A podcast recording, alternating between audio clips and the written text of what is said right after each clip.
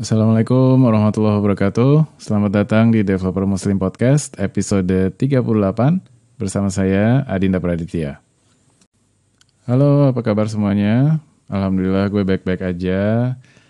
Um, seneng banget bisa rekaman lagi. Waktu rekaman itu adalah uh, salah satu momen favorit gue dalam satu pekan. Karena walaupun cuman gue cuman ngoceh sendiri, gue masih bisa ngebayangin gimana suara gue bisa didengerin sama lo-lo semua pendengar di mana pun dalam situasi apa pun berbagai macam ya variatif. Nah, sama halnya kayak gue dengerin podcast sehari-hari gitu. Tapi kalau lo tahu apa yang lebih keren daripada itu semua yang bikin keren adalah karena gue bisa jadi suara hati dan pemikiran lo. Kenapa? Karena lo lagi dengerin ini kan kemungkinan sendirian kan. Dan itu merupakan saat-saat momen yang pribadi gitu.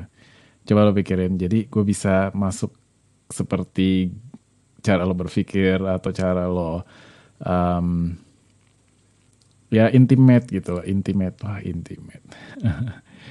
ya lo coba aja pikirin sendiri. Ya, jadi oleh karena itu, oleh karena itu, uh, gue mau memanfaatkan momen ini untuk memberikan uh, pesan positif, yaitu gue mau ngingetin untuk diri gue sendiri sama teman-teman semua untuk selalu bersyukur dengan apa yang kita punya, manfaatin apa yang kita miliki dengan sebaik-baiknya, terutama waktu. Jangan sampai kita menyanyiakan waktu dan kita bikin uh, waktu orang lain jadi terbuang percuma gitu.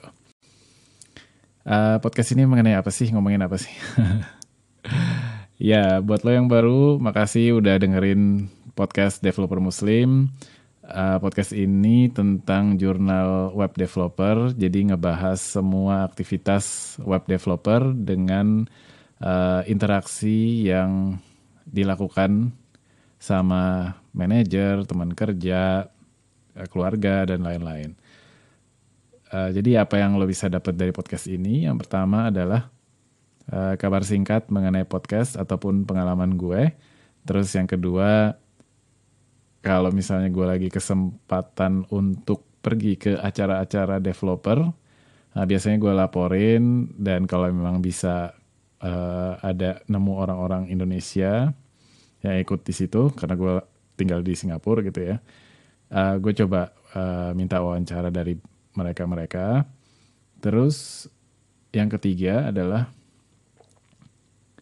gue uh, wawancara online gitu ya dengan praktisi uh, web development atau profesional yang bersinggungan dengan developer yang gue udah sebut tadi gitu ya manager, uh, kolega, desainer ataupun mungkin keluarga nanti tapi belum belum tahu belum kepikiran kayak gimana konsepnya.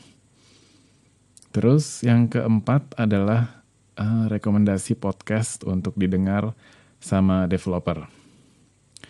Uh, gue udah kasih beberapa di episode-episode sebelumnya.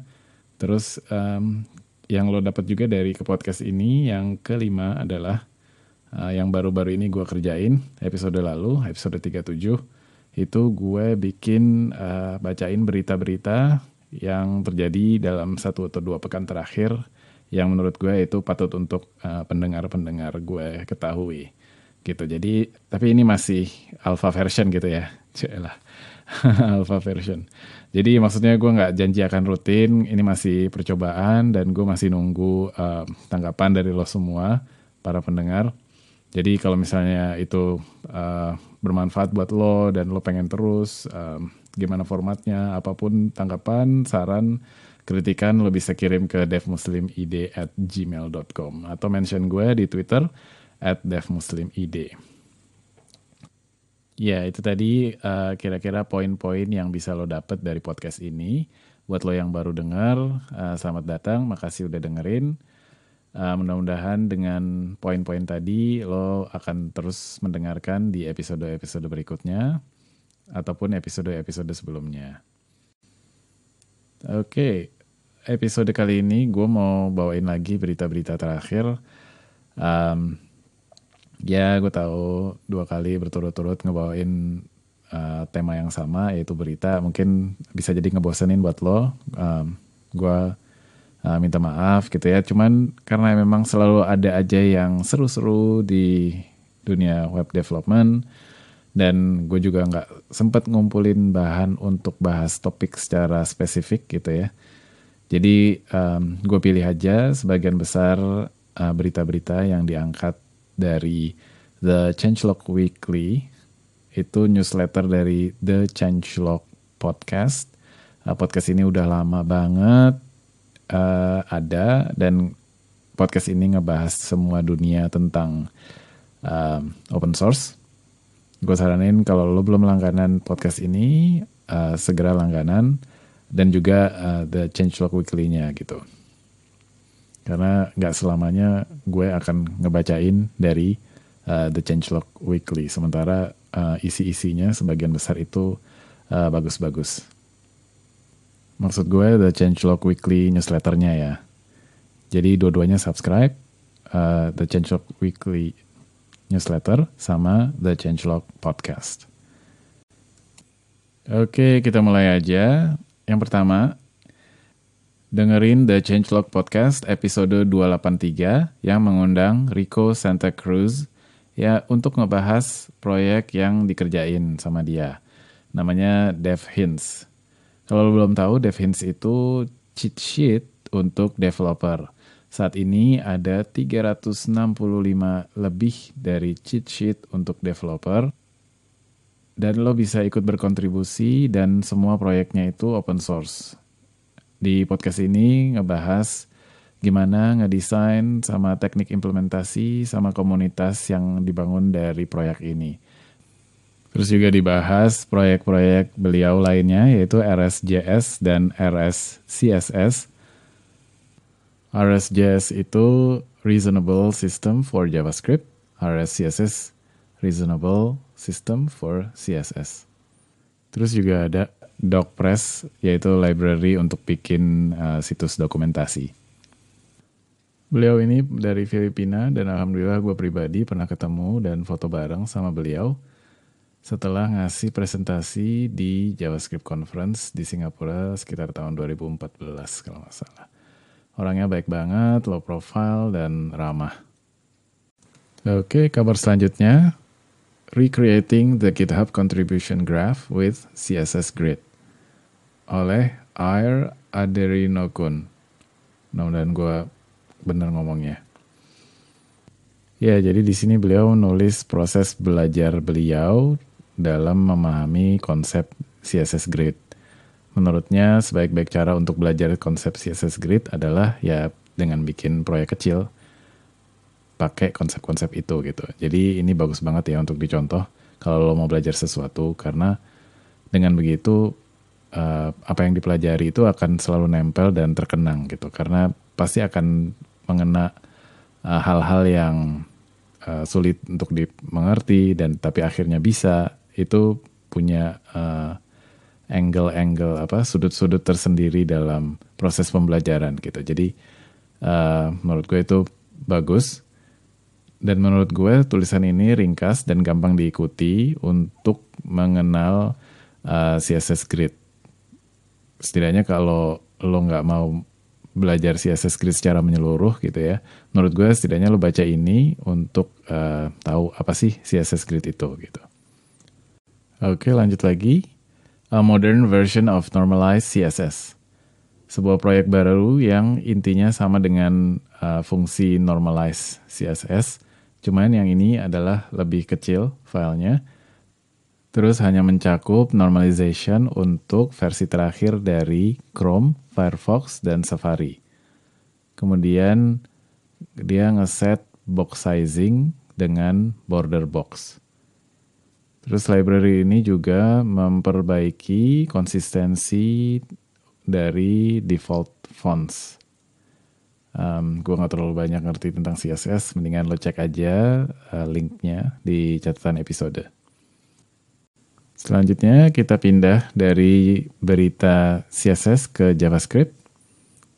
Ini ada proyek baru namanya Node Clinic Diagnose your Node.js performance issues. Ini tool untuk mendiagnosa masalah-masalah yang berkaitan dengan performa dari aplikasi Node.js. Um, gue udah coba install pakai Yarn, ternyata uh, installernya komplain kalau Node.js-nya perlu versi 8.10 ke atas atau 9.4 ke atas. Tapi kalau misalnya install pakai npm itu bisa walaupun versi Node gue itu versi LTS yaitu 8.9.4. Gue saranin untuk install karena uh, tool ini jarang ya setahu gue. Jadi um, ya nggak ada salahnya untuk install dan ngediagnosa um, walaupun performa Node.js lo nggak nggak apa nggak mengalami masalah gitu. Tapi siapa tahu aja ada perbaikan yang bisa bikin lebih cepat lagi ya kan. Lanjut lagi, auto merge data structures for building collaborative apps. Jadi lo bayangin kalau misalnya ada aplikasi JavaScript dengan semua status atau nilai-nilai yang disimpan di objek model, terus bayangin semua objek-objek itu bisa tersinkronisasi dan merger secara otomatis melalui uh, lintas perangkat-perangkat lain yang terkoneksi dari aplikasi ini. Itulah auto merge secara garis besar. Jadi library uh, npm ini cocok banget untuk dijadiin uh, struktur data untuk bikin aplikasi yang ada fitur kolaborasinya. Caranya itu mirip banget sama Git, kecuali perbedaan yang sangat mendasar adalah nggak ada konflik yang harus ditangani pada saat merge. Uh, gue udah baca ritminya di GitHub, itu super keren banget, walaupun gue belum pernah coba, tapi kayaknya menjanjikan dan makanya gue nggak heran uh, proyek ini segera ditangkap sama radarnya The Changelog karena mereka pakai GitHub API untuk memonitor proyek mana yang menarik dengan uh, metrik-metrik tertentu gitu. Jadi The Changelog itu punya uh, alat untuk memonitor uh, proyek-proyek di GitHub pakai GitHub API. Jadi dimonitor berdasarkan uh, followernya atau star atau forknya dan juga mungkin ada beberapa apa metrik-metrik lain gitu untuk menentukan uh, sebuah proyek itu uh, layak untuk dijadikan uh, apa diperhatikan gitu. Jadi gue saranin untuk lo coba dan lihat ritminya. Uh, linknya ada di catatan episode. Lanjut lagi, Handbook for Stimulus. Kalau lo kelewat sama pengumumannya, Stimulus adalah JavaScript framework yang baru-baru ini dirilis. Dengan adanya handbook ini, gue ngerasain bahwa promosinya udah lumayan uh, apa gencar gitu ya supaya dipakai dan dikenal luas sama komunitas dev developer JavaScript. Biasanya kalau ada framework baru seperti ini, kebanyakan orang kan uh, ya maklum gitu kalau itu terjadi di uh, JavaScript. Kalau lo mau kasih kesempatan sama pemain baru ini, um, di blognya Basecamp, di mana framework ini lahir, David Heinemeier Hansen menyebutnya sebagai framework yang modest untuk HTML yang udah Anda miliki. Um, maksudnya apa tuh ya? Oke, okay, mungkin gue kurang bagus untuk menerjemahinnya. Bahasa Inggrisnya adalah a modest JavaScript framework for the HTML you already have. Pas gue ngecek-ngecek ulang, uh, apa sih arti modest? Itu maknanya adalah sederhana, rendah hati, nggak nonjolin diri gitu. Jadi um, sepertinya cukup apa ya, cukup sederhana. Ulang lagi. Sepertinya cukup uh, simple gitu ya um, dan hal-hal yang ditawarin itu cukup menarik. Uh, gue saranin untuk baca agar uh, wawasan lo terbuka gitu karena um, ya JavaScript itu kan nggak ada aturan yang baku untuk lo harus ngelakuin ini ini ini ini gitu. Jadi ya mungkin kalau lo baca mungkin agak sedikit beda gitu, tapi kan intinya adalah uh, gimana uh, fitur itu dicapai dan teknik pendekatannya seperti apa gitu. Walaupun mungkin um, menurut gue pribadi nggak uh, apa ya nggak lumrah gitu di dunia JavaScript. Apa sih? Uh, ya gitulah. Oh iya, David Heinemeier Hansens ini nanti akan diundang juga sama The Changelog Podcast untuk ngebahas stimulus. Jadi mungkin dalam pekan-pekan ini atau pekan depan gitu, uh, cek aja The Changelog Podcast. Uh, nanti lo bisa dengerin di situ. Lanjut lagi. Welcoming progressive web applications to Microsoft Edge and Windows 10. PWA akan segera hadir di Microsoft Edge, dan Windows. Ini merupakan kemenangan besar untuk PWA, maksudnya dibanding native apps ya. Jadi sebelumnya mereka, Microsoft ini udah ngumumin bahwa mereka akan all in untuk PWA. Bahkan mereka mau bikin PWA di Windows itu ke level berikutnya dengan memperlakukan PWA itu seperti first class application citizen di Windows. Gue suka sama kutipan di blog mereka yang ngejelasin PWA. Progressive web apps are just great websites that can behave like native apps. Or perhaps, progressive web apps are just great apps powered by web technologies and delivered with web infrastructure. Gue juga setuju sama Adam Stokoviak yang editor dari The Changelog ini yang bilang, kalau lo web developer dan lo nggak peduli sama Windows, Microsoft Edge, dan, dan apa pun yang Microsoft kerjain, hanya karena itu bukan aliran gue gitu ya, lo bakal ketinggalan sama begitu banyak komunitas yang udah berusaha dan bekerja keras untuk memajukan web. Jadi tolong diperhatikan. Jadi itu pesan dari Adam Stokoviak dalam mengomentari uh, blog ini. Dan kalau misalnya gue perlu tambahin adalah supaya buat meyakinkan lo semua gitu ya. Lihat aja apa yang Microsoft lakukan ke Visual Studio Code. Itu benar-benar keren banget dalam waktu yang relatif singkat. Uh, adopsi Visual Studio Code sekarang udah lumayan banyak dan memang itu keren-keren banget uh, pluginnya dan bermanfaat. Lanjut lagi masih di seputar PWA. Service Worker API untuk kemampuan persistent background processing di halaman web akan tersedia di Safari Technology Preview 48. macOS High Sierra 10.13.4 dan iOS 11.3 beta seed 2. Ada dua diskusi di Twitter yang ngebahas berita ini yang patut lo baca gitu. Nanti linknya gue kasih di catatan episode. Terus um, berita ini keluar setelah benar-benar setelah pengumuman Microsoft tentang dukungan mereka di Windows dan Microsoft Edge untuk PWA. Lanjut lagi. Berikutnya ada Nadia Iqbal, host dari Request for Commits podcast yang ngebahas perspektif yang berbagai macam sisi dalam keberlangsungan proyek open source. Ya, jadi mulai dari masalah legal, dukungan finansial untuk proyek open source, dan lain-lain. Jadi kalau lo tertarik sama hal-hal sisi lain selain dari kode untuk proyek open source, gue saranin lo untuk dengerin podcast Request for Commits. Maaf gue jadi intermezzo untuk nyaranin podcast, tapi ini berhubungan sama aktivitas beliau, Nadia Iqbal, uh, sebagai aktivis open source. Beliau bilang di Twitter kalau dia sering banget ditanya sama orang link-link uh, para pengurus proyek open source yang pernah ngejelasin pengalaman mereka secara terbuka. Jadi Nadia Iqbal ini mengumpulkan daftar presentasi, tulisan, dan wawancara tentang pengalaman menjadi pengurus proyek open source. Daftarnya cukup panjang dan udah belasan pull request yang diterima.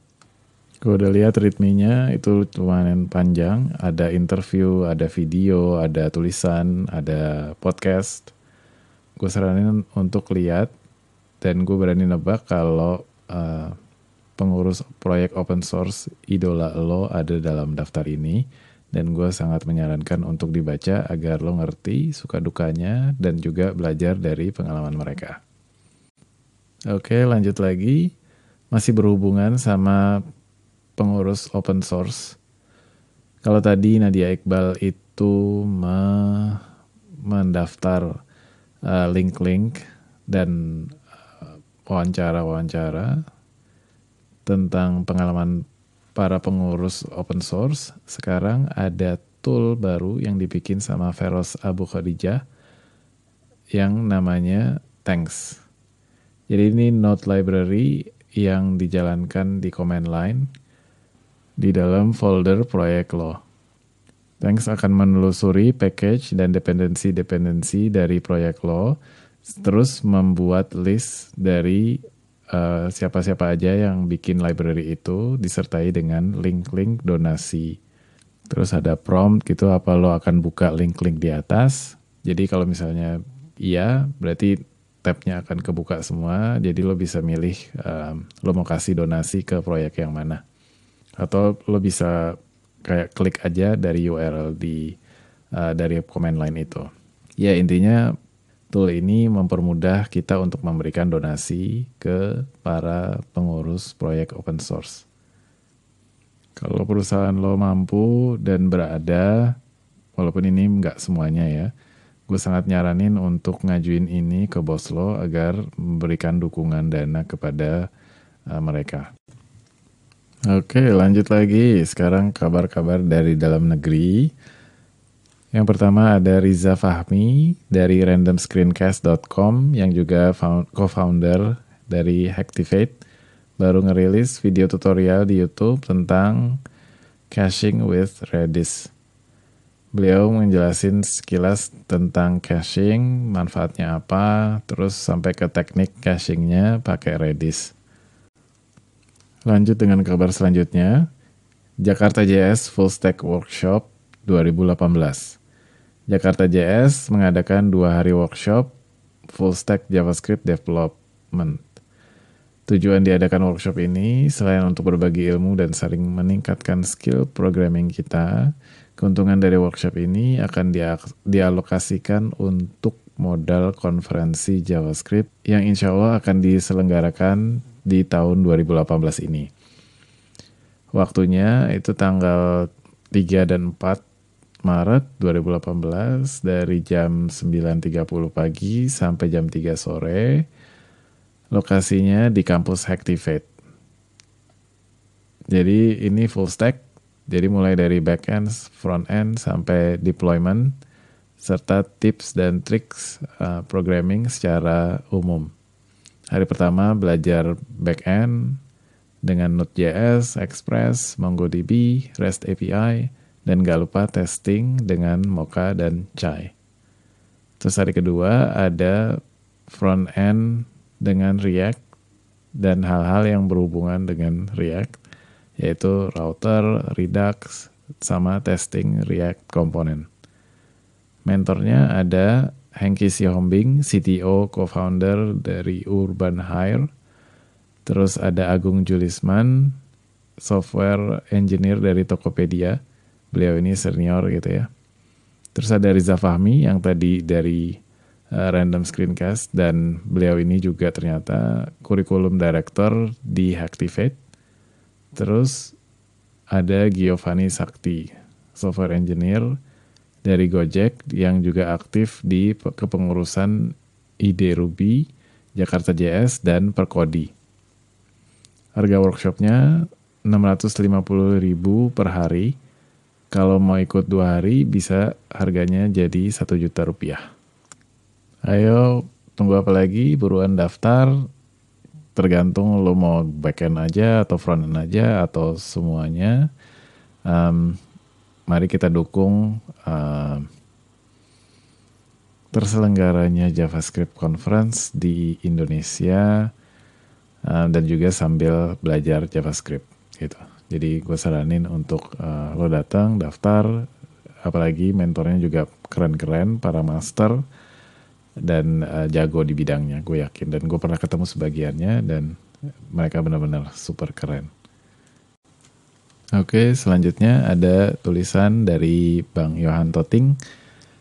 Judulnya 10 tips untuk menjadi seorang developer yang lebih baik.